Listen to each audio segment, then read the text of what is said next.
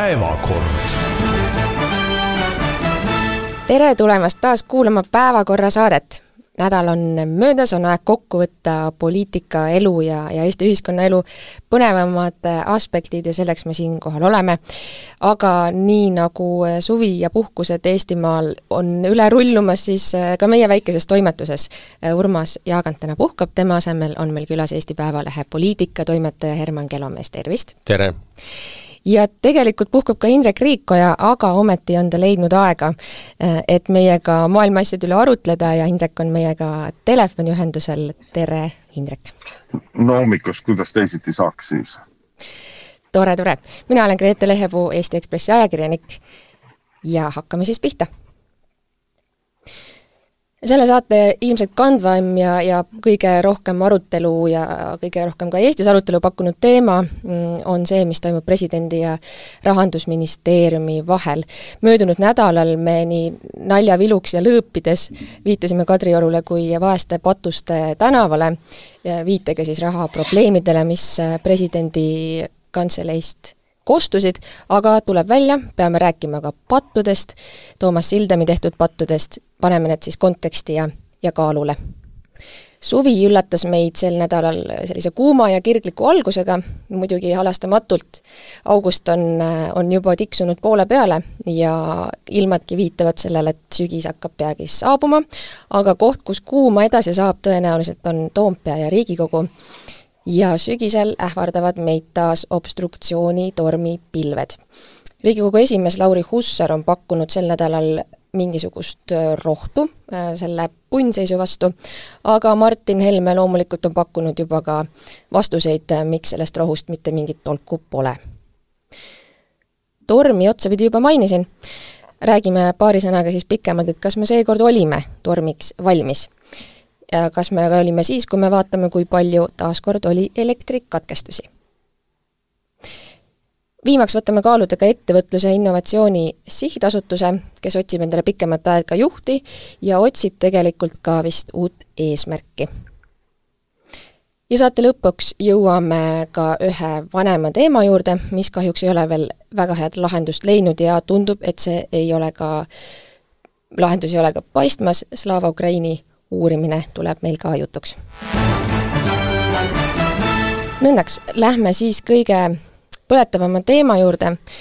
vaevu, vaevu olid kuulajad eelmisel nädalal meie saate saanud äh, lõpuni kuulata, või ütleme siis meie saate salvestamise ajal. Käis äh, vilgas töö Postimehe toimetuses ja Mikk Salu kirjutas artiklit sellest, kuidas rahandusministeeriumis äh, sellel suvel on olnud mitu mõtlikku ja, ja kulmu kurtsutavat momenti, neist üks kantsler Merike Saksal äh, ja teine minister Võrklaeval, ja viitavad mõlemad siis sellele, et äh, presidendi sisenõunik Toomas Sildam, olla nendega suhelnud äh, ja, ja moel või teisel sidunud siis ühe suhtluse sees ära kaks probleemi, esimene probleem on see, et presidendi kantselei vajaks rohkem raha ja teine probleem on see, et valitsus tahaks, et seadused saaks kiiresti välja kuulutatud. no Sildam ise ütleb, et ähm, tema ei ole püüdnud millegagi kaubelda, ähm, kantselei juht Peep Jahilo rõhutab ka, et seadused kuulutab president välja lähtuvalt sellest, kas need vastavad põhiseadusele või mitte, et presidendilt ei ole võimalik seadust ostagi, ähm, et need seosed on, on jaburad, aga ometi mm, on nüüd juba ka Riigikogu komisjonis äh, Urmas Reinsalu juhtimisel teema arutlusel ja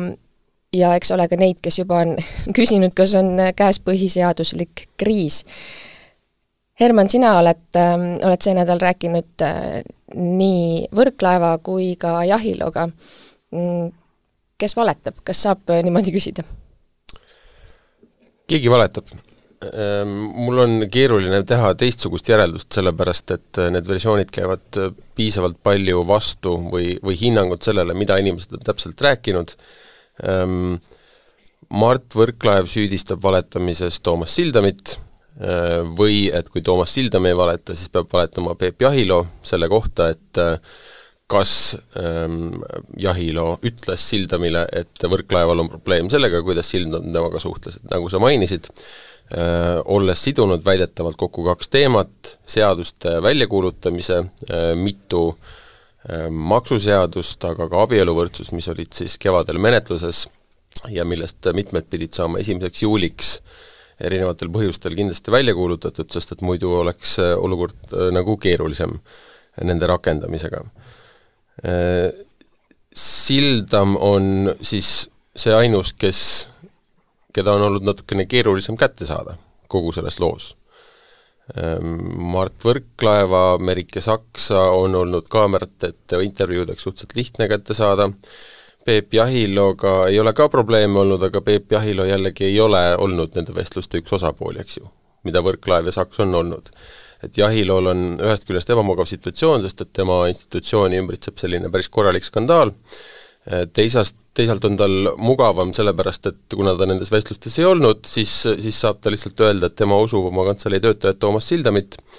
ehm, kelle kohta, nagu ma ka äh, Võrklaevale ütlesin, mitmed inimesed ütlevad, et ta ei oleks nii loll, et sellist noh,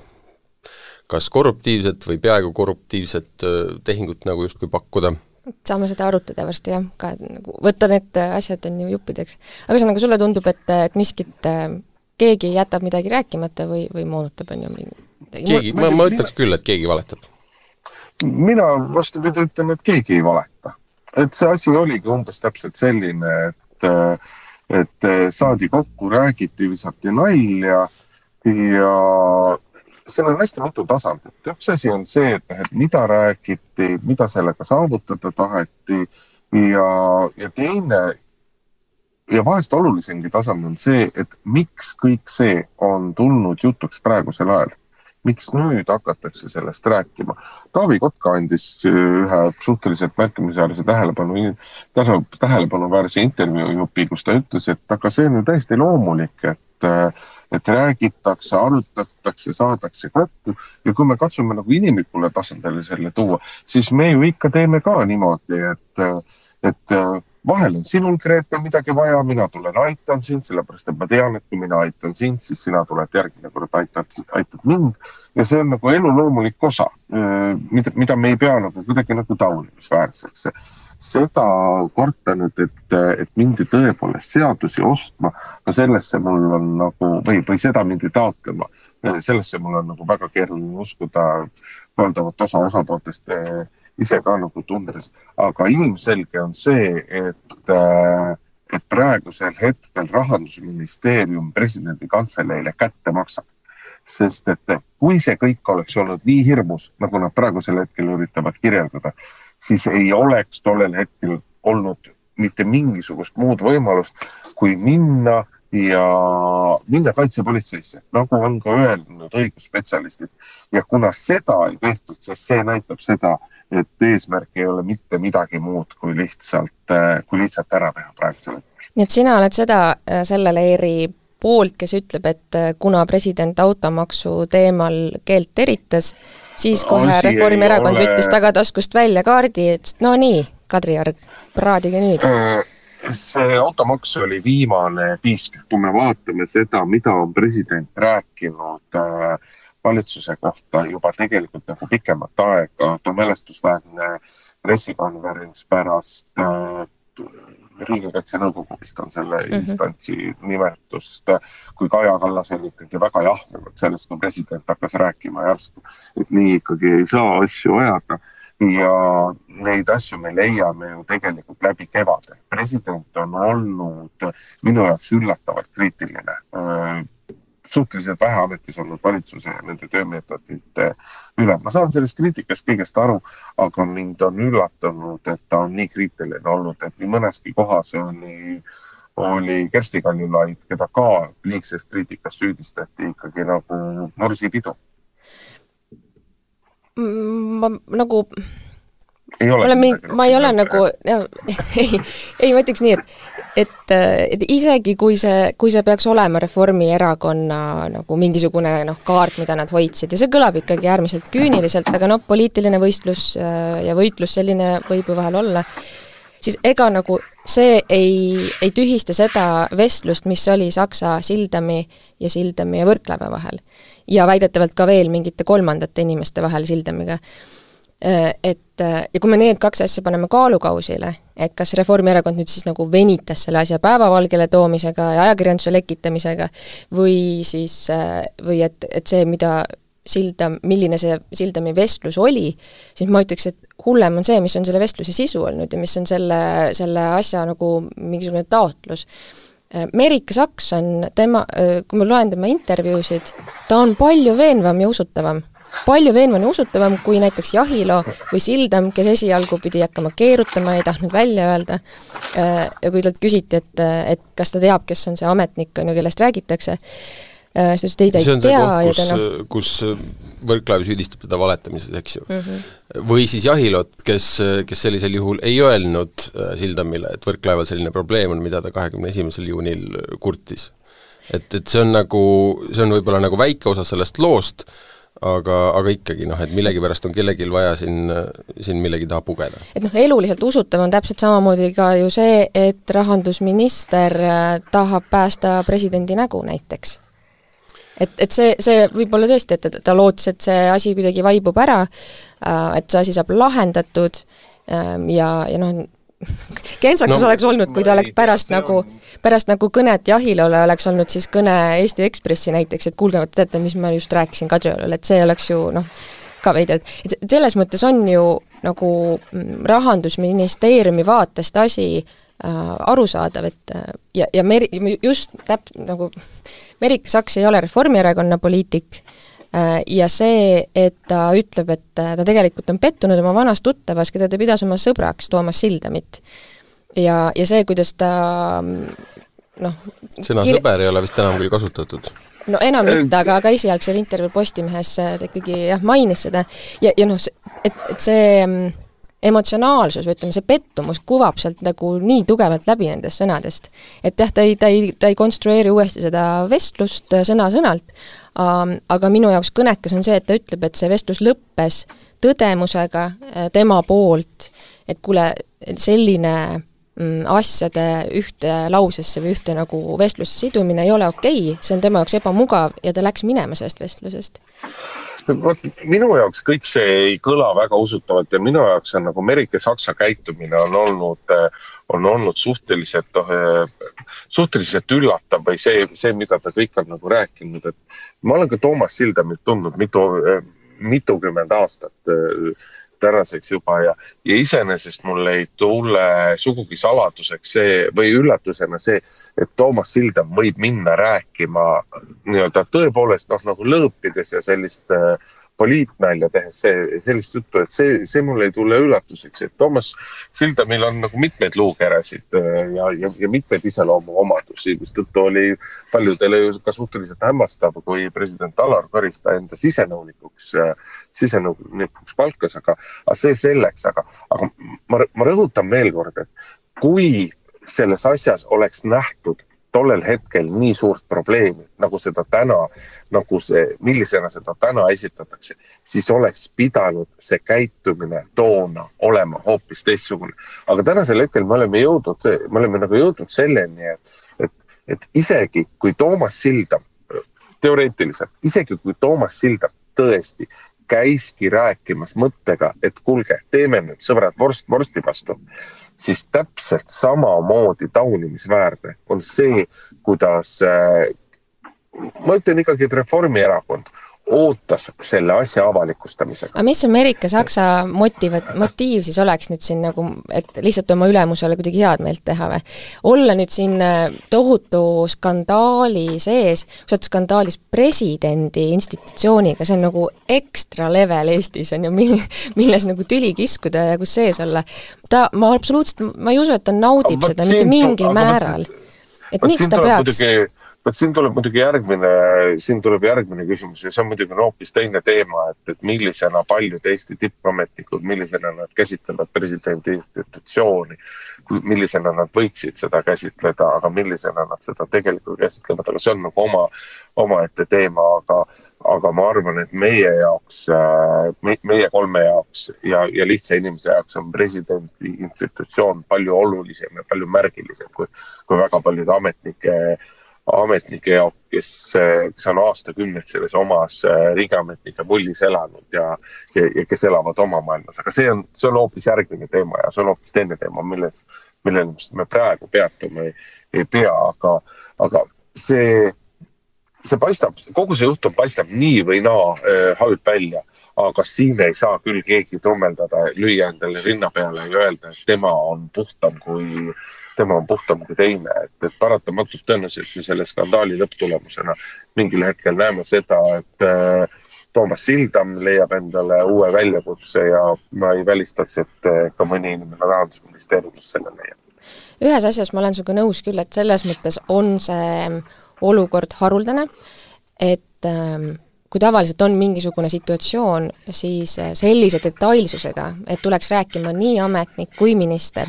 noh, kuupäeva peaaegu et kellaaja täpsusega on Võrklaev üles lugenud neid vestluseid ja telefonikõnesid äh, ja lõpuks on ju Merike Saks ütles välja ka Sildami nime, selles mõttes tõesti, ma, ma näen, kust, äh, kust on võimalik, on ju, joonistada kokku neid jooni, mis, mis viivad sinna siis nagu kättemaksu narratiivi kogu selle arutelu. Äh, et enamasti ikkagi hoitakse äh,, hoitakse kas nimedega tagasi või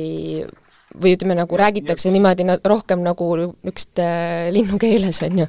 ja äh, kõik see näitab, kui noh, kui korralikult see asi on nagu läbi mõeldud, kuidas sellega tegeleda, millal sellega tegeleda, millal seda infot kasutada, mida rääkida, mida välja öelda. see, et Toomas, Toomas Sildami nime Ameerika Saks äh, viimaks välja ütles, noh, see on selline,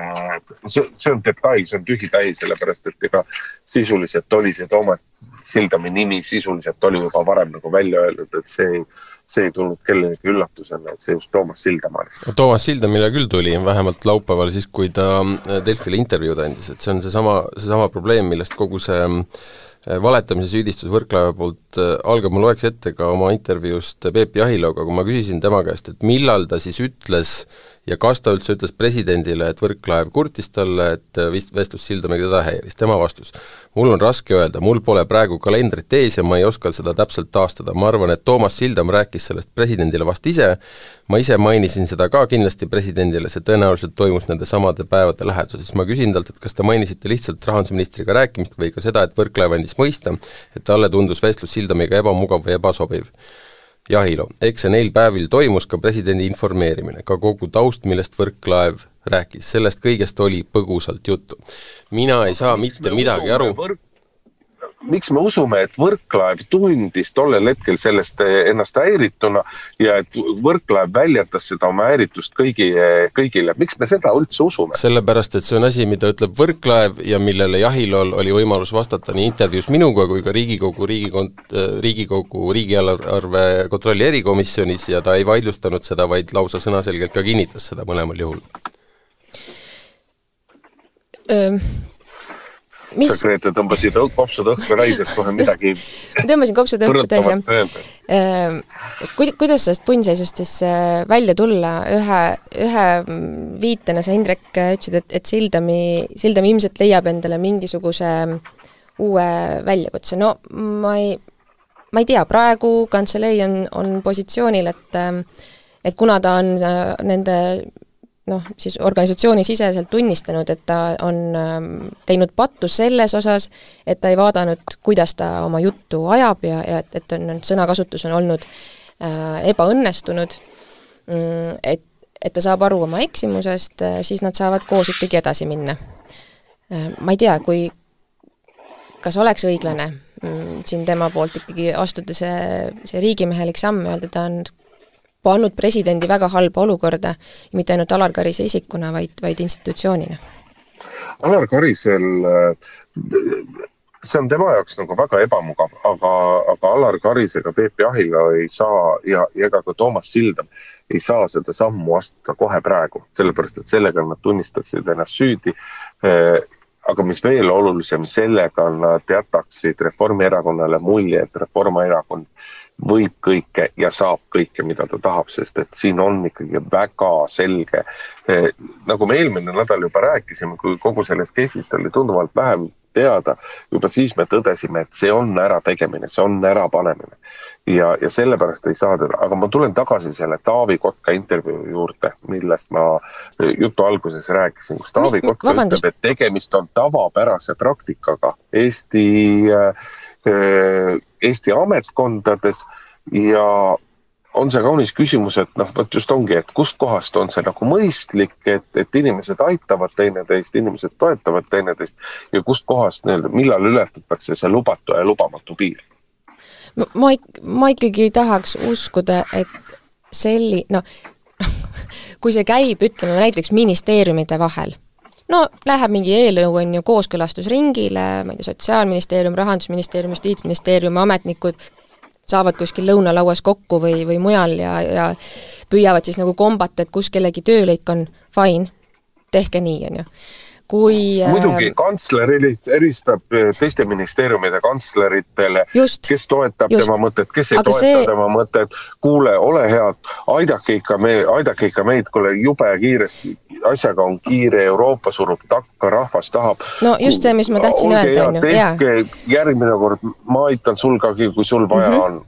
aga kui seda, kui see hakkab toimuma nagu üle võimu äh,, kuidas ma siis ütlen, nagu et, et me, me peab ju, säilima on ju võimude lahusus, et kui see hakkab toimuma nagu erinevate võimude see, üleselt, siis see on ju absoluutselt väär et mis, mis meil siis on, mis meil selle võimude lahususe põhimõte siis üldse nagu on siin äh, demokraatlikus riigis, kui äh, noh, juba see, me oleme ju seda tegelikult ka väga palju tauninud ühiskonnas, et valitsuse ja Riigikogu vahel on kogu aeg mingi selline nagu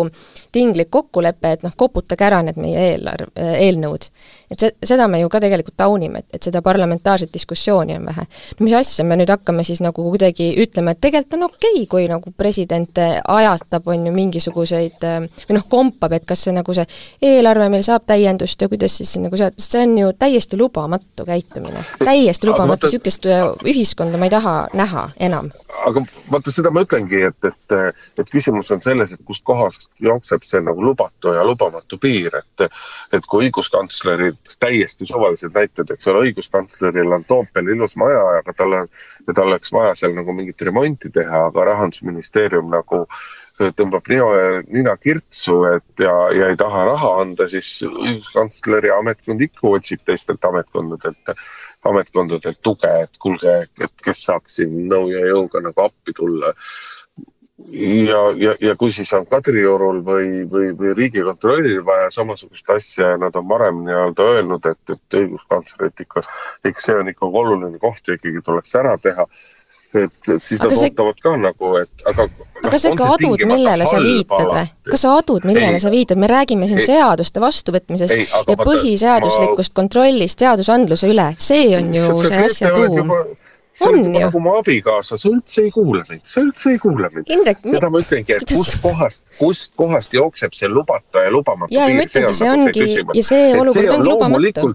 ja see on loomulikult lubamatu, kui see asi käiks niimoodi, et president ütleb, et kui te mulle seda ei anna, siis mina teil seda seaduseelnõu välja ei kuuluta, sellepärast et ühest küljest on see oma sisuliselt eh, jabur, aga see on ka olemuslikult jabur, kuna presidendi, presidendi võim on piiratud, ta saab ühe korra ütelda, et mulle see ei sobi, ma saadan tagasi. riigikogu võtab asja uuesti muutmata kujul vastu ja siis on nagu Riigikohus on see, kes selle otsuse langetab, et jube lihtne on, kui president läheb teadlikult käituma kaheldavalt või, või, või valesti, siis nii-öelda see tema siis see ninanips või, või see karistus Riigikohtu poolt on nagu väga kiire, väga kiire nagu tulema, et loomulikult ei saa see sellise, sellisel tasemel käia. aga mul on jätkuvalt väga keeruline uskuda, et presidendi kantseleist Toomas Sildam või kes iganes rääkis tõsiselt mõeldes sellest, et, et kuulge, andke meile lisapappi ja me lükkame kiiremini teie asjad läbi. no ma sellesse ka, mind on väga ta keeruline. mitte keegi ei olegi öelnud, et ta seda nagu tinglikus kõneviisis oli esitanud sellist muljet üritab ju praegusel hetkel Reformierakond jätta. presidendi kantselei küsis meie käest raha selle eest, et et, et nemad meie asjad kiiresti läbi lükkavad. see on ju kogu see narratiiv, mida Reformierakond tahab selgeks teha. sisu ja mõte on ju selles.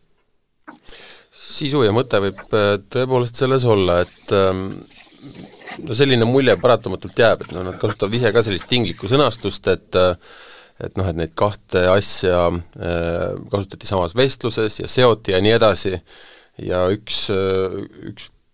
viis, kuidas nad põhjendavad, miks nad kaposse ei pöördunud, ongi siis see, et noh, et see ei olnud nagu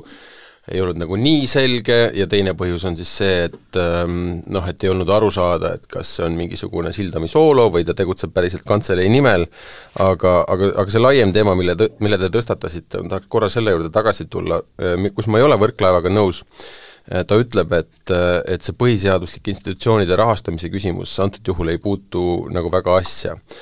minu meelest on see ikkagi väga hea ettekääne seda arutada, et noh, kuidas me ikkagi teeme niimoodi, et kui meil tuleb võimule mingisugune koalitsioon, kes, kes tahab Eestist teha mingisugust sellist riiki, mis, mis me kolmkümmend kaks aastat olnud äh, ei ole ja, ja ei taha olla, et kuidas teha niimoodi, et näiteks Riigikohtu eelarvet või sellesama presidendikantselei eelarvet ei tõmmataks nulli, sest et sisuliselt on võimuliidul, kes iganes on koalitsioonis, õigus sellist asja otsustada, minu jaoks tundub sügavalt ebaoluline Äh, see, et kas on siis nüüd äh, valitsus või Riigikogu enamus, kes seda otsustab, sest et need on noh, sama tagumiku kaks kannikat, vabandust väljenduse eest, et siin riigiõiguse eksperdid võib-olla äh, pööritavad silmi selle peale, aga faktiliselt see nii nagu on. ja, ja mulle tundub, et nagu tahet või mõtlemist selles suunas, et kuidas, kuidas nagu päriselt garanteerida, no okei okay,, võib-olla garanteerida ei saa, aga paremaks muuta seda olukorda, kus see ma ei tea, nii-öelda Orbani moodi valitsus ei saaks teha nii, nagu Ungaris või tegelikult ka Poolas, seda lahendust siiamaani ei ole ja, ja, ja see olukord ikkagi markeerib seda, millised noh, heal juhul lihtsalt diilitamised, aga halvemal juhul mingisugused tõsised krahhid nende institutsioonide, hädavajalike institutsioonide rahastamisega võivad kunagi juhtuda. siin äh, kriitika on olnud see, et, et noh, vaadates, mis meil ka on parlamendis toimunud viimane pool aastat, eks saab pidurdada ka ju seal äh, seda raha andmist, et selles mõttes nagu päris lõpuni see probleem ei, ei lahene, et äh, vahet ei ole, on ju, et on see siis nagu noh, nagu sa ütlesid, äh, et on see siis nagu valitsus, mis tegelikult on ju moodustunud parlamendi enamusest, et selles mõttes see sentiment või see, see tahtlus on parlamendis samamoodi olemas. aga ma ütleks ka, et see, see kõlab loogilisemalt ka nagu põhiseaduse mõttes või vaates, on ju, et see kõrgema võimu kandja, Riigikogu, selle, selle üle pigem otsustaks. Ähm, ma ei, ma ei ole näinud muidugi, et, et päris nagu poliitikud oleksid väga tõsiselt tuld võtnud sel teemal, et, oleks näha, et hea küll, sügisel istungjärgul hakkame selle probleemiga tegelema. ma ühe, ühe lahenduse ikkagi pakuks välja niimoodi, et, et vähemalt, et mis iganes need summad praegult on, et, et Riigikogu enamusel või valitsusel ei tohiks olla õigust neid summasid vähemalt langetada et okei okay,, et nad ei pea neid tõstma, aga, aga neilt poliitikutelt, võimuliidult kui selliselt võiks võtta ära õiguse langetada põhiseaduslike institutsioonide eelarvet või vähemalt piirata seda olulisel määral, et ähm, sest et noh, need ohukohad, mida ma kirjeldasin, ma praegult ei näe, et mis, mis see nagu riskide vältimise mehhanism nende kaasast on. Herman oma selle teemapüstitusega võttis mu sõnad suust ära, tahtsin ise ka jutu sellele samale, samale rajale lükata, et, et siin oleks noh, ega seal ühtegi nagu ideaalset süsteemi eh, või lahendust ei ole, et, et öelda, et ei tohi lahendada, aga kui meil siis on järsku kahekümne protsendine majandus, majanduslangus, eks ole, riigieelarve kukub, maksutulud kukuvad, et kas, et kas tõesti siis eh, on olukord, kus on mingisugused eh, institutsioonid, kes kes, kelle, kelle eelarve ei lange, kelle palgad ei lange, et see tuletab meelde, kuidas siin kaks tuhat kaheksa, kaks tuhat üheksa majanduskriisi ajal, kui kogu Euroopa majandus langes, siis ähvardasid Brüsselis osad euro, euroametnikud streikima hakata, sest et nemad ei saanud endale lubatud äh, lubatud nii-öelda palgatõusu protsenti, sest et neil oli ju lepinguga ometi küll lubatud, et teistel küll langesid palgad, kellel kakskümmend, kellel kolmkümmend protsenti, aga mitte ametnikel. aga üks hea, või noh, mitte kas nüüd just hea, aga üks selline teatud mõttes turvaline lahendus on ikkagi, kui siduda, kui siduda ära äh, põhiseaduslike institutsioonide eelarved SKP-ga ja selle muutumisega ja, ja, ja selle kasvuga, kehtestades sinna näituseks mingisuguse kasvulae, aga, aga miks mitte ka languse lae, kui, kui tõesti peaks olema keeruline olukord. kuigi kõige selle puhul me ei tohi muidugi ära unustada seda, et, et kui meil on olemas üks koalitsioon, kes võib asjad niimoodi paika panna, siis igal järgmisel koalitsioonil ja Riigikogu esimehe eh, enamusel on võimalus seda asja kõik muuta. ja, ja Hermanni see märkus, et, eh, et parlamendi enamus ja valitsuskoalitsioon, et need on nagu tagumiku kaks kannikat, siis no las need riigiõiguse spetsialistid pööritavad siis näo silmi, aga sisuliselt on see ju väga tabavalt ja ilusasti öeldud vist vaikselt võime hakata sellele teemale joont alla tõmbama, pisut see veel, veel kerib äh, ka edasi ja minul on hea meel, et, et suvel noh, see on niisugune küüniline heameel, aga et, et lisaks seltskonnatähtedele pakuvad ka poliitikud äh, põnevussarja, mida jälgida. Ähm, aga, aga kui tulevikku vaadata, ähm, ma hakkasin, jäin mõtlema selle peale, et ähm, äh, olgu siis siin kättemaksu motiivi nii palju, kui on, või noh, pigem ma ütleksin, et see ähm, et, et jah, presidendi needsamad need kommentaarid näiteks automaksu kohta, et, et ka tegijad ei saa aru ähm, mida siis täpselt selle maksuga tahetakse saavutada, et see, see võis tõesti olla viimane piisk karikasse, kui me vaatame neid torkeid, on, on ju tõesti läbi, läbi suve olnud ja ka kevadel, et need, need asetuvad nüüd mingisse uude konteksti küll aga et, et kas kogu see, see tohuvapohu nüüd pidurdab presidenti? Äh, ütleme, Alar Karis meile teadaolevalt äh, ei, ei ole andnud käsku, on ju, oma, oma kantselei töötajatele, et minge ja minge ja proovige kuidagi tagauste kaudu mõjutada seda, et me saaksime raha juurde ja, ja ma usun, see noh, see, see, see nii ei olnudki. hästi korra lõpetuseks, mind huvitab igal juhul siin ülejäänud kuude jooksul, et kas Alar Karisel on põhjust ka kellegi peale natukene pahane olla, et, et ei räägitud talle õigel ajal või nii edasi, et, et eks seda saame võib-olla veel teada, kas see nii on või mitte, aga kindlasti ootame ära Toomas Sildami esinemise sealsamas riigieelarve kontrolli erikomisjonis nüüd juba uue nädala alguses, et, et kas ta jätkab või mitte, et need vastused võivad sealt tulla jah, Urmas Reinsalu show, äh, ma nimetaksin selle ära, ma ütlesin küll niisugune late night show, aga niisugune pigem siis hommikune ähm,, hommikune juhtimine, et oli, oli väga äh, meeleolukas sedagi vaadata ja ta võtab seda väga tõsiselt ja väga tore. ta võtab sellest maksimumi, mis tal on nüüd, kus ta enam välisminister ei ole. mul on hea meel, et ta, et ta küsib kõik küsimused ära aga mina tahaksin vastata siiski ka Grete esitatud küsimusele ja jaa, et kas president, president pidurdab ava, ennast nüüd? just, avaldada usku ja lootust, et president ei pidurdu, sellepärast et äh, paljudele, sealhulgas ka minule, on tema sirgeselgsus ja, ja nii-öelda sõnakindlus olnud üllatuseks, sellepärast et äh, oma varasemates ametites sellised jooned teda alati tingimata ei iseloomustanud, aga, aga mina küll usun ja, ja väga loodan, et president jääb, jääb selles mõttes nagu, jääb, jääb samasuguseks edasi. aga vahetame siin siis ka teemat. mingil määral saab järgmise teema siduda eelnevaga, me oleme siin varem arutlenud selle üle, et president võiks olla see, kes siis lepitab omavahel koalitsiooni ja opositsiooni aitab üle siis sellest ummikseisust Riigikogus, aitab üle sellest, et opositsioon ähm, ei pidurda kõikvõima-, täielikult Riigikogu tööd. no ma ei tea, nüüd selle valguses ähm, kuigi küll on näha, et, et sotsid kuidagi väga äh, distantseerivad ennast kogu selle, et, et selles mõttes tõesti on nagu valitsuspartnerid on astunud eemale ja on öelnud, et jah, see on, see, mis toimub seal Võrklaeva ja, ja Sildami vahel, see on, ähm, see on Reformierakonna värk ja, ja äh, veel enam mulle tundub, et Läänemets nagu mm, isegi kergelt mõistab hukka Reformierakonna tegevust. Ähm, aga see selleks, et, et kui ikkagi, kui, kui valitsuse juhtiv erakond ähm, on nüüd Kadrioruga üsna nugade peal, ütleme, suhted on kehvad, kas on loota, et, et president siin saab enam seda lepitaja rolli kanda? päris keeruline vist. no lepitaja rolli saab president kanda seeläbi, kui ta, kui ta saab eh, nii-öelda ühe laua taha istuma ja mingisuguse kompromissini viia eh, Martin Helme ja Kaja Kallase, aga usku selleks äh, on ikkagi väga vähe, sest et kui me vaatame parlamendi esimehe riigis, ma rõhutan, et tähtsuselt teise inimese, äh, Lauri Hussari äh, avaldused sellest nädalast, siis noh, no, no, no kuskilt ei paista siiski seda, et, kuskilt ei paista sellest arusaamist, et meil on vaja kompromissi. Et asjad ei käi niimoodi, et kallid opositsioonierakonnad, esitage omad nägemused, kuidas, et mis, et mida te tahate saada selleks, et te nagu torpedee-, ei torpedeeriks rohkem meie elu ja meie tegemisi.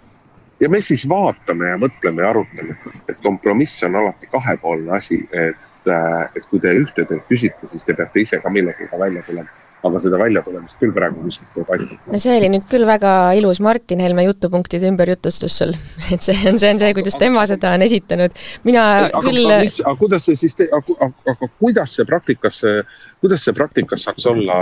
kuidas see praktikas saaks olla teistmoodi, kuidas kompromiss saaks sündida teistpidi? las ma räägin sulle, et mina äh,, mina lugesin küll Hussari mm, mõtisklustest välja pigem selle, et äh, enne seda, kui hakkab korra noh, september jõuab kätte, mm, siis saavad omavahel kokku erakondade esimehed ja, ja mitte nagu selles vanematekogu formaadis, vaid tõesti fraktsioonide noh, vabandust, fraktsioonide juhid ähm, ja, ja, ja püüavad siis seal juba leida mingisugust, äh, mingisugust kompromissi või vähemalt saada aru, et kus keegi oma, oma nagu jah, oma mõtetes on, on ju. Äh, et äh, päris nii ikkagi ei olnud, et äh, Hussar oleks pannud käed rinna peale ja öelnud, et noh, Helme, hakka nüüd, hakka nüüd vastuseid köhima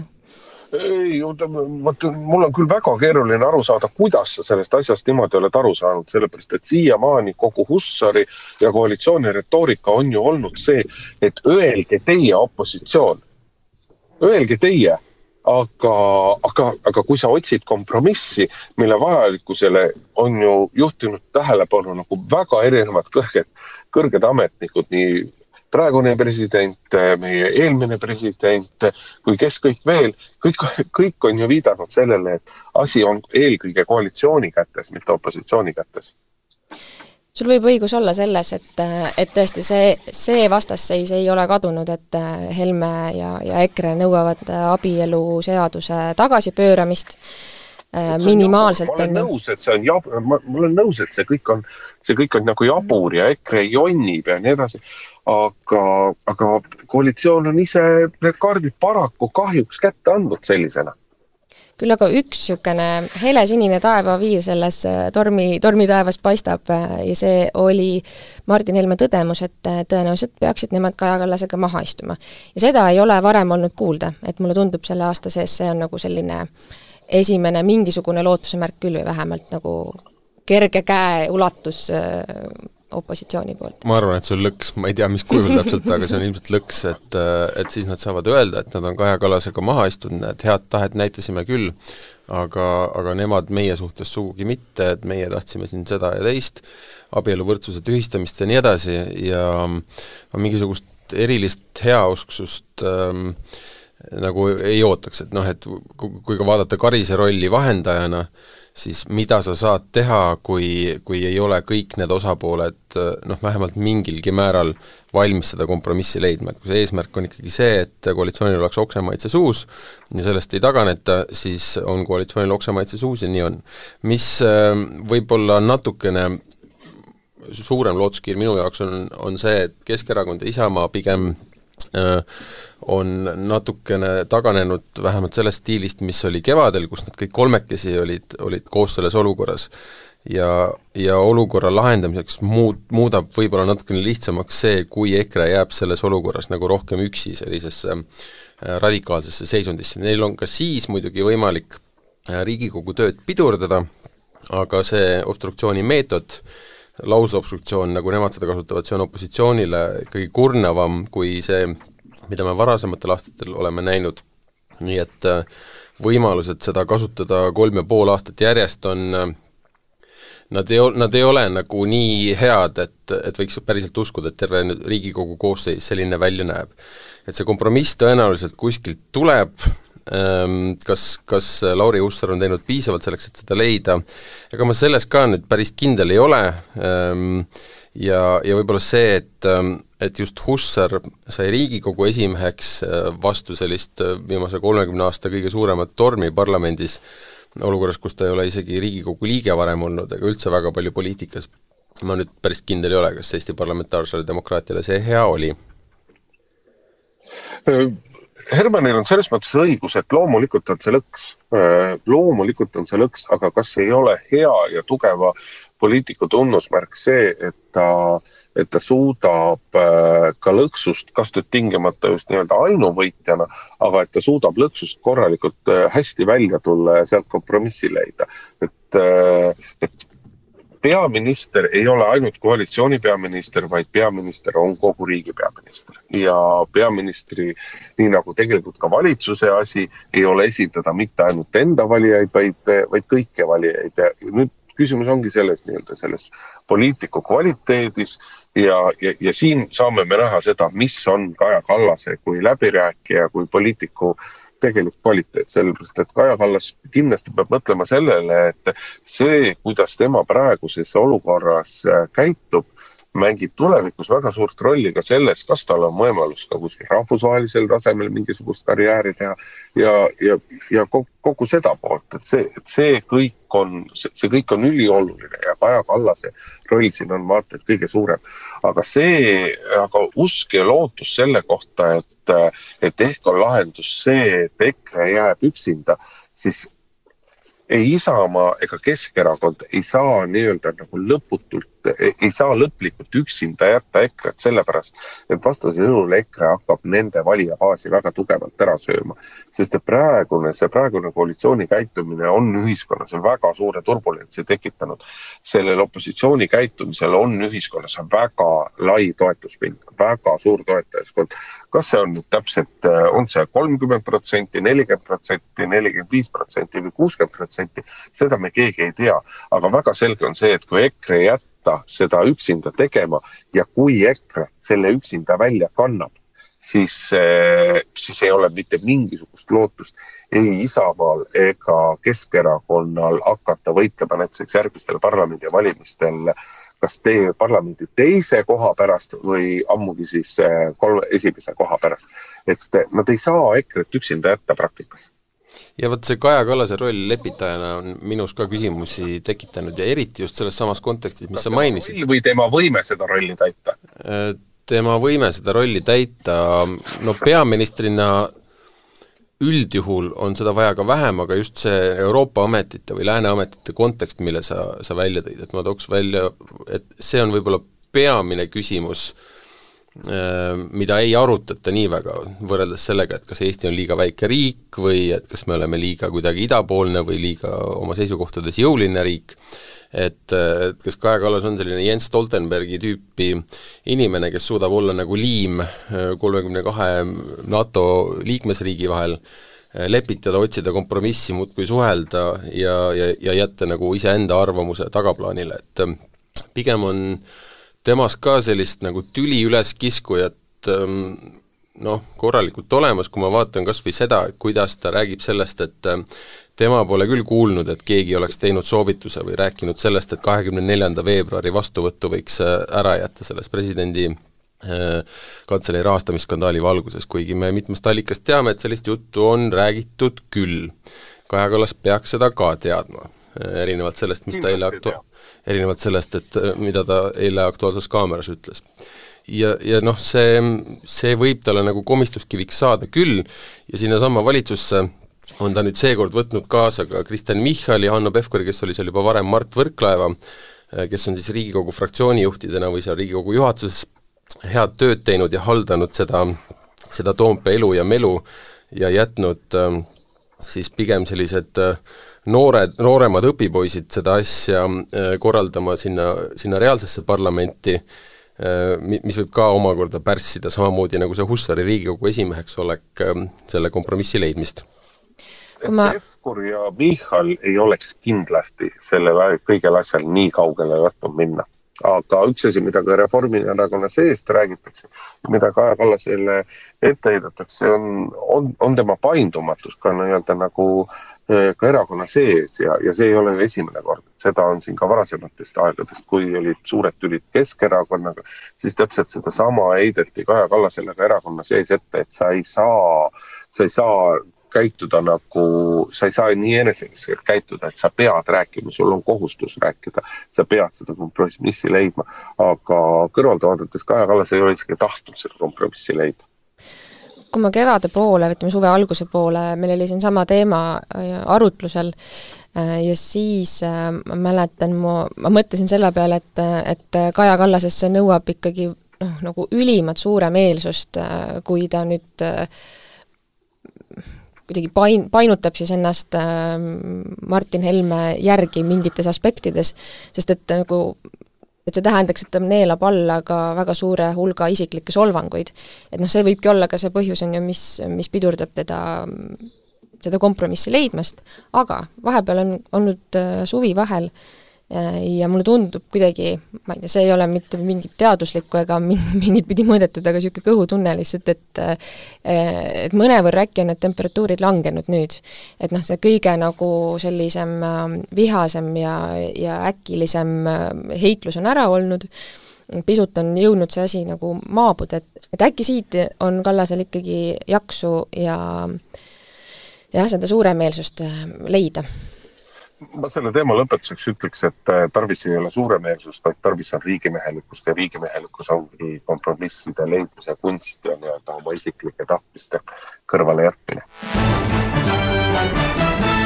aga lähme edasi, kuna teie ütlesite, et sellest teemast tuleb äh, minu monoloog, siis läheme tormiga edasi, et äh, nädala alguses Eesti elas ikkagi, ma julgen öelda, et suhteliselt suure tormi üle ja, ja küsitakse, kas äh, kas Eesti oli tormiks valmis,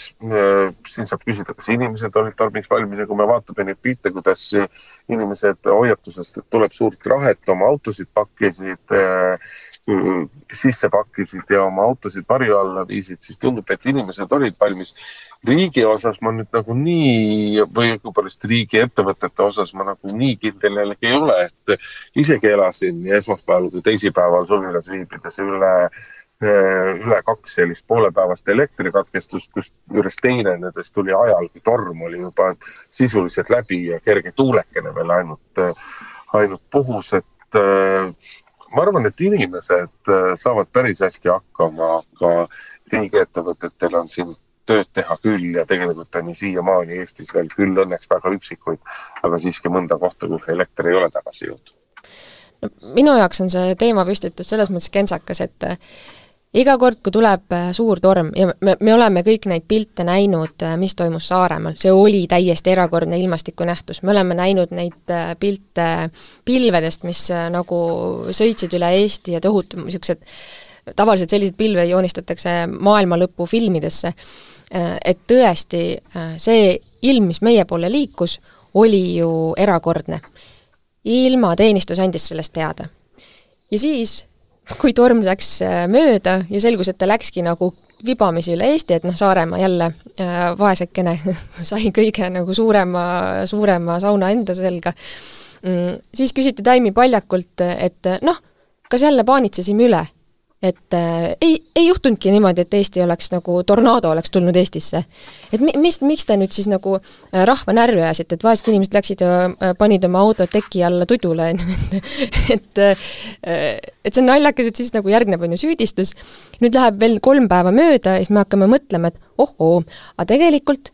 noh, elekter läks ära ikkagi paljudes kohtades, võib-olla mõnes kohas läks vesi ka seetõttu ära, no ma ei tea, kas me ikka olime valmis, kas ikka ametnikud on ikka äh, ette valmistanud riiki põhjalikult ja kas ikka Riigikontroll on Elektrilevile piisavalt ata-ata teinud, et nad pole kõiki kaableid maa alla viinud ja noh, et see on nagu pidev niisugune ratas, kus me oleme, no ma ei tea, tormid tulevad, sellest äh, puud kukuvad sellest ümber, sellest ei ole pääsu, puud kukuvad ka liinide peale ümber, sellest ka ei ole pääsu et noh, ma ei tea, nii on, et me, me ei saa Eestit teha nagu täiesti tormikindlaks, äh, ma olen nõus, äh, tuleb nagu ütleme, mm, olla valmis, on ju, vallad peavad olema valmis selleks, et neil oleks olemas need generaatorid ja nii edasi ja nii edasi, aga no sellist nagu traagikat ju praegu ei olnud ei, aga ega ma ei tahtnudki öelda, et traagika on, äh, mina ütleks, et äh, käed eemale meteoroloogidest, äh, väga hea, et nad teavitavad ja, ja ongi hea, kui nad vahel võib-olla natukene värvi juurde panevad. peabki panema värvi juurde. lihtsalt tuleb vaadata seda, et, et, et minu arust peaks nii inimesed kui riik ühtemoodi hästi ja operatiivselt suutma ennast tormiks ette valmistada. aga mulle tihtipeale siiski tundub, et, et inimesed suudavad seda nii-öelda paremini teha või suudavad käituda operatiivsemalt ja, ja, ja see ei ole alati hea, aga traagikat, seda muidugi praegu ei olnud see olukord oleks palju hullem, noh selle kriitikaga, kui oleks olnud vastupidi, et kui hoiatus jääb liiga lahjaks ja tuleb niivõrd suur torm, et inimesed hakkavad küsima, miks me teid ometi ei hoiatanud ja seetõttu see on lihtne loogika, et miks äh, pigem olla ettevaatlik, kui, kui leppida sellega, et, et ähm, mul ei ole ka mingit probleemi mõista seda, miks meteoroloogid niimoodi käitusid aga Indrek, kas sul on mingi konkreetne näide siis äh, tuua, et kust nagu riik valmis on, et ma saan aru, sul läks suvilas elekter ära, et sa oleks tahtnud, et vallavanem oleks jooksnud generaatoriga su poole või mis? Ei, ei, ma ei oleks tahtnud, et vallavanem jookseks, äh, jookseks generaatoriga äh, minu poole, sest et vallavanem ei peagi seda tegema ja, ja ja aga, aga noh, see ei ole nagu, kui sul ikkagi on terve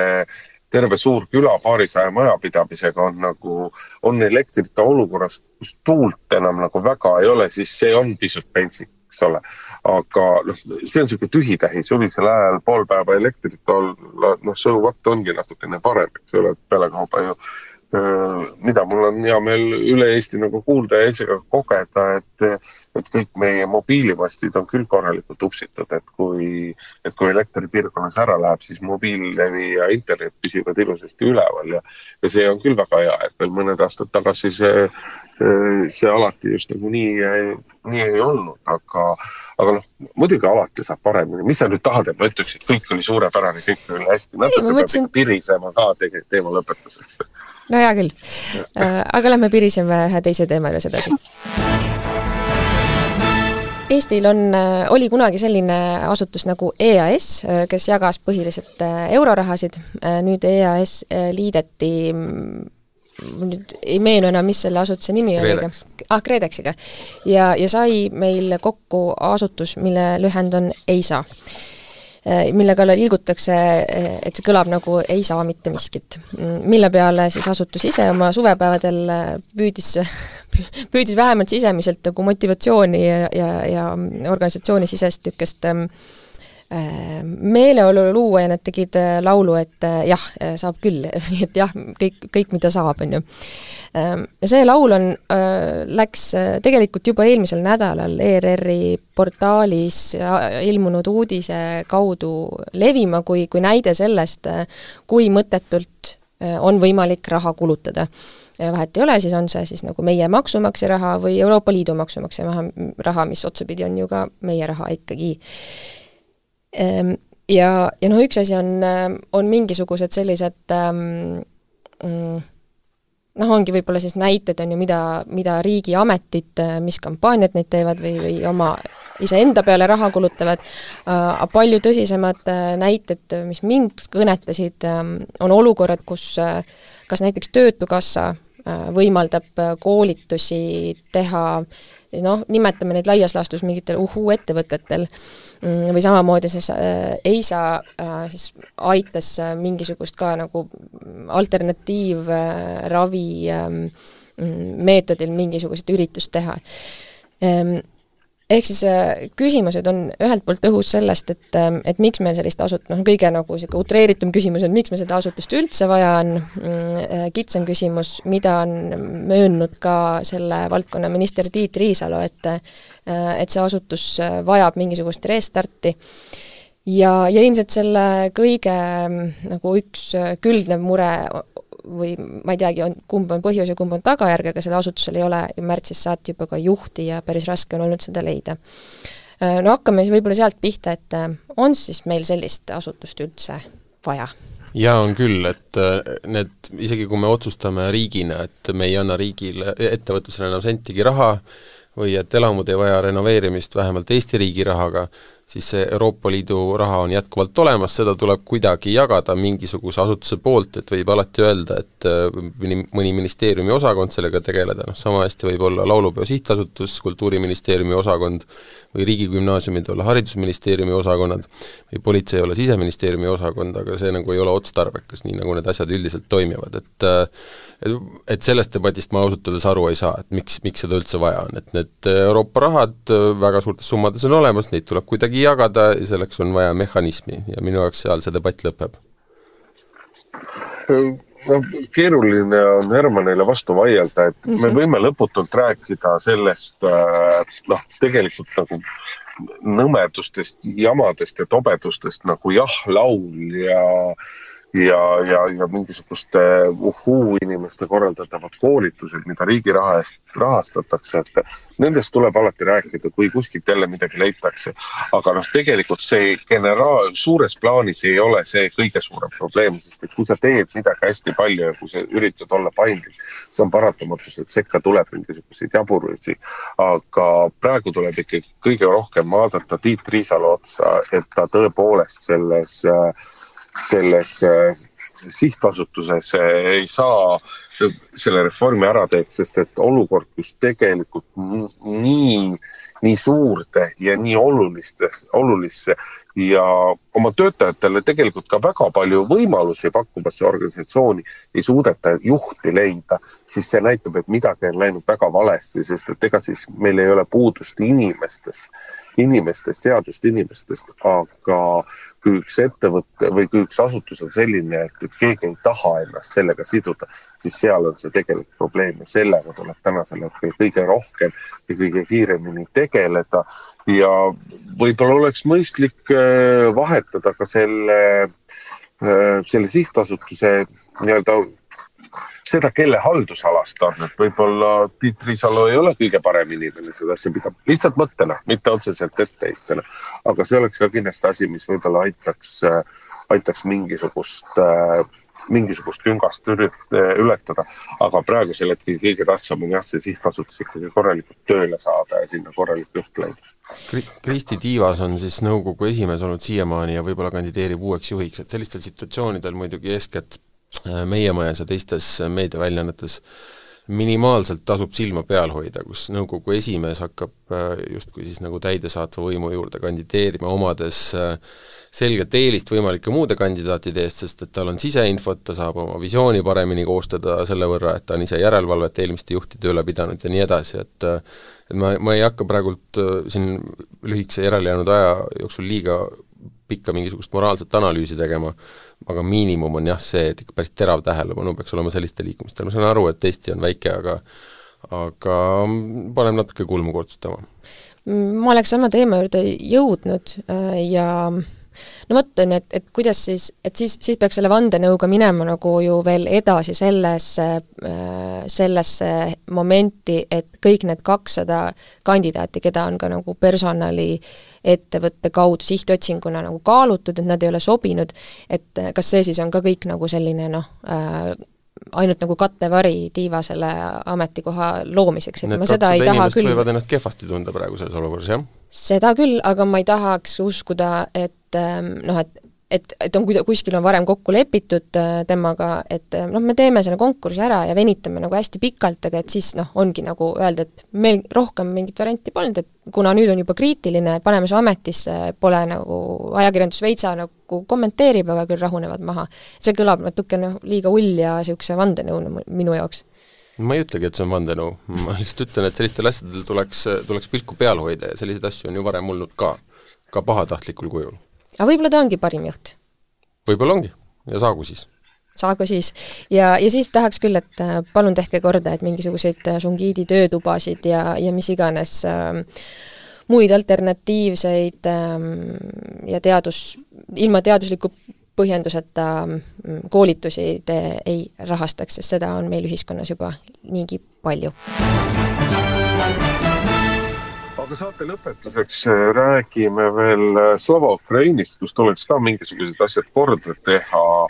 aga väga segane on see, Ukrainas justkui mingisugune tegevus käib nende asjade uurimises, aga noh, meie jaoks pigem olulisem küsimus on see, et kas, kas Eestis kogu see teema ka kuhugile jõuab ja kas Eestis ka kuidagi keegi juhtunu eest vastutab või mitte? ja praegu ähm, siis kust see teema, ütleme, sel nädalal on õhku tõusnud, on, on nii Ekspress kui Postimees on kirjutanud sellest, et ähm, äh, Aleksander Tšernov, kes on Eesti mõistes nii-öelda vilepuhuja Ukrainast, kes töötas siis Slava Ukraini partnerettevõtte juures äh,, kes on tunnistanud äh, laialt äh, avalik-, Äh, ajakirjandusele, aga kitsamalt ka nii Ukraina kui Eesti prokuratuuridele, äh, kuidas ähm, siis selle ettevõtte tegelik äh, juht, ütleme nii-öelda nagu niiditõmbaja või Hennadi Vaskiv, mm, on petnud Eesti annetajaid ja tegelikult ka Slava Ukrainit ja, ja mm, raha vääralt kasutanud, kui kõige leebemalt sõnastada. Aleksander Tšernov ähm, on Ukrainas praegu uurimise all, aga hoopiski seetõttu, et tema autost äh, leiti relvi ja Ukraina prokuratuur ütleb, et ta on tegelenud relvade kaubitsemisega, mis on äh, kriminaalkuritegu, ja ta viibib koduarestis ja, ja, ja seda juba mitu kuud äh, ja pidevalt seda siis vabastamise kuupäeva lükatakse edasi ja Ukraina õiguskaitseorganite sõnul siis äh, noh, tuleb, ei saa teda nagu vabadusse lasta, sest et siis äh, ta võib hakata ise uurimist segama, ütleme, et see uurimine ei saa siis äh, hästi toimida. Ähm, Eesti prokuratuurile, ma saan aru, et ta on ütlused andnud küll, aga ta ei saanud äh, siia koha peale tulla. Mm. ja need, tegelikult need kaks asja ongi täiesti nagu pilla-palla ja eraldi. et üks asi on ju see uurimine, mida saab teha Eesti Vabariik Eesti ettevõtte ja Eesti inimeste suhtes, näiteks siis Johanna-Maria Lehtme, Mm, ja Slava Ukraini kui, kui on ju MTÜ suhtes. teistpidi noh, MTÜ uurimine mm, on päris keeruline, kuidas sa üldse saad, kuidas sa nagu paned sõrme peale, kes mis, mida on halvasti teinud, ja siis on ju teine pool on Ukraina poolne uurimine, mis saab uurida, on ju, enda ettevõtet, mm, või nende riigis tegutsevat ettevõtet ja nende riigis olevaid inimesi, ja praegu no kõik see, mis Tšernovi ümber toimub, vähemalt tema kaitsja sõnade kaudu, äh, ei tekita ikkagi üleüldse usaldusväärsust, et, äh, et Ukraina pool tahaks selle teema, et see teema nagu mingi selguse saaks. mulle jah, ei ole arusaadav, et mis seal täpselt toimub, seesama Tšernov äh, läks pakku siis äh, mingil hetkel pärast selle äh, Slava Ukraini skandaali päris suureks puhumist Eestis äh,, Äh, siis ta tundis teatavat kergendust, nagu ta Pealtnägijale äh, väitis pärast seda, kui siis Kaja Kallas äh, visiidil selgitas Vladimir Zelenskõile seda Slava Ukraini teemat, et noh, et siis justkui oli president kursis ja lubas tegeleda sellega, ja, ja vot siis mõned nädalad hiljem tuli see tema kinnikukkumine. me ju tegelikult ei tea sellest relvaasjast mitte midagi siin paraku, et äh, et me saame nentida, et ohoh, väga kummaline selline kokkusattumus, et just, just vahetult pärast seda, kui, kui Henadi Vaskivil, siis Liiv Jensel aselinnapeal, äh, Johanna-Maria Lehtme noh, käsilasel kogu selles skandaalis ütleme siis niimoodi, äh, hak-, hakkas tagumiku alt kuumaks minema, siis, siis hakkas sama juhtuma ka Tšernoviga. Äh, mina, mina saan lihtsalt meenutada seda meie maikuise äh, Äh, loo tegemist äh, Lehtmest, äh, kus me siis panime tema mineviku kohta, aga ka Slava Ukraini kohta erinevaid asju kirja, saan meenutada seda, et minu allikad eeskätt just selle Tšernovi arreteerimise tõttu olid sõna otseses mõttes hirmul, olid väga kõhklevad, kas üldse rääkida, mõned oma nimega lõpuks ei rääkinudki ja nii edasi ja nii edasi, nii et äh, et, et see on ka üks selline teema, kus, kus markeerida seda, et me oleme sellest endiselt huvitatud ajakirjanduses, me tahame teada, mis saab, me me ootame prokuratuurilt mingisuguseid äh, selgeid sõnumeid selle kohta, et mis nad teevad, kas nad teevad, ähm, see on oluline. et seda on uurida keeruline, on selge ainuüksi sellepärast, et kui me teame juba seda, et kui pilla-palla seal asjad olid, kui kehvasti dokumenteeritud, et osa sellest dokumentatsioonist, kui ta üldse olemas on, on sõltuv Ukraina osapooltest, asub Ukrainas, saan ma ka muidugi aru sellest, et kuidas seda võib olla keeruline uurida. noh, keeruline Eestis on, on uurida ju ka seda, et ähm, kui ei ole, noh näiteks on ju, et, et üks aspekt oli siin see, et et meil ei ole nagu otsesest, otsest kahjusaajat et kui ei ole inimest, kes on annetanud ja esitanud siis prokuratuuri või, või politseile nagu teate, et ähm, minu, mul on tunne, et minu annetust on väärkasutatud, ma ei tea, mis paragrahvi alla see käib, et siis ei olegi nagu kahjusaajat. et Eesti rahvas kui selline ei saa olla kahjusaaja, sest MTÜ ei ole mingi nagu ma ei tea, riigiasutus või noh, mingi selline mm, moodustus, et et selle, selles mõttes on see MTÜ ähm, no skeemimeistritele päris lollikindel valik, on ju, mille kaudu oma äri ajada. Äh, ega ta nagu nii lollikindel ei ole ka ja kui nüüd vaadata, milles selle skandaali sisu on, see, et see Ukraina ettevõte, mis Vastkivile